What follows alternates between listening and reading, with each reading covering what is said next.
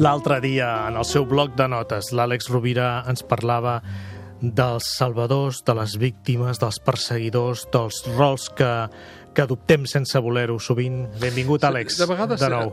Gràcies, Gaspar. De vegades, moltes vegades sense voler-ho, algunes vegades volent-ho, sobretot eh, determinades estructures de personalitat tendeixen a jugar, els agrada molt jugar. Dèiem com podem ajudar les persones del uh -huh. nostre entorn a nivell psicològic, uh -huh. com podem ajudar algú també de la feina, és a dir, quines... Uh, Parlem de lideratge, doncs, sí, avui, Gaspar. Exacte, és a dir, com exercir un bon lideratge i com influir en els demés. Mira, mm, tu saps que professionalment, tot i que de vegades se'm tendeix a conèixer com, com la gent es pensa que jo guanyo la vida escrivint llibres. Jo he escrit llibres, però he estat un hobby, el que passa que he tingut la magnífica sort en molts casos de que els llibres hagin tingut bona acollida, però jo em dedico sobretot a treballar amb organitzacions, amb sistemes humans, digue-li empreses, digue-li ONGs, digue-li eh, organitzacions esportives. Um, la premissa és molt senzilla. Igual que en la pedagogia diríem no prediquis, doncs el teu fill t'està mirant, en el món empresarial, per analogia, diríem el mateix. No prediquis, el teu equip t'està mirant.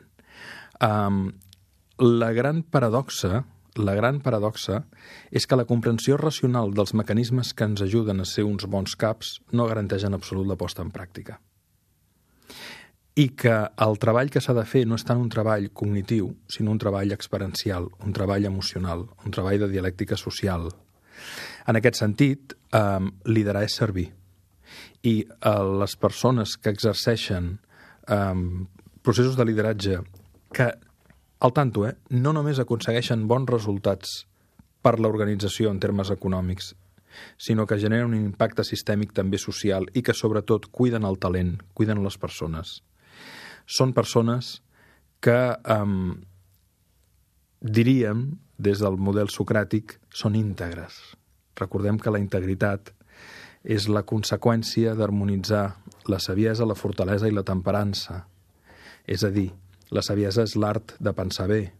La fortalesa és l'art de gestionar bé les emocions i la temperança és l'art de gestionar bé les accions.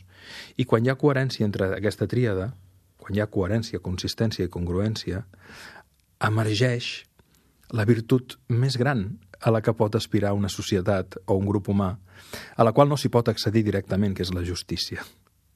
Aleshores, per mi parlar de lideratge és parlar de justícia és parlar de justícia en el reconeixement, és parlar d'equanimitat, és parlar de rigor, és parlar d'un balanç entre, entre la, i el compromís i l'exigència. Um, el verí és a la dosi, com hem dit tantes vegades, i en el lideratge també. Per això, aquelles persones que propicien processos de transformació importants són persones eh, essencialment grans persones caurien en els tòpics de sempre de Gandhi, Mandela, Luther King, però realment els lideratges que aconsegueixen a llarg termini una transformació significativa d'un paradigma humà, científic, econòmic, eh, sovint han estat guiats per persones que han fet un gran treball d'humanitat.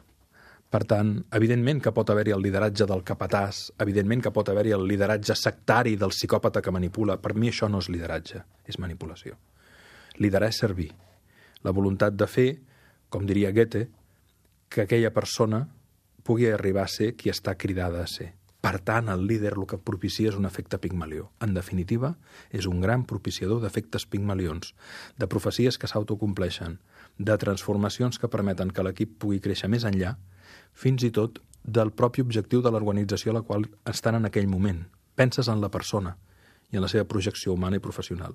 Des d'aquesta generositat, normalment talent convoca talent i es produeix una sinergia, un valor afegit i unes propietats emergents que no sorgeixen quan hi ha una relació de eh, capatàs, esclau. Àlex, moltes gràcies per aquesta capacitat de síntesi d'allò que donaria per hores i que en les organitzacions eh, deu durar, clar, no, no hores, sinó setmanes o mesos, no? Correcte. Moltes gràcies. Una abraçada. Fins la setmana que ve. Els oients també, moltes gràcies. Una abraçada.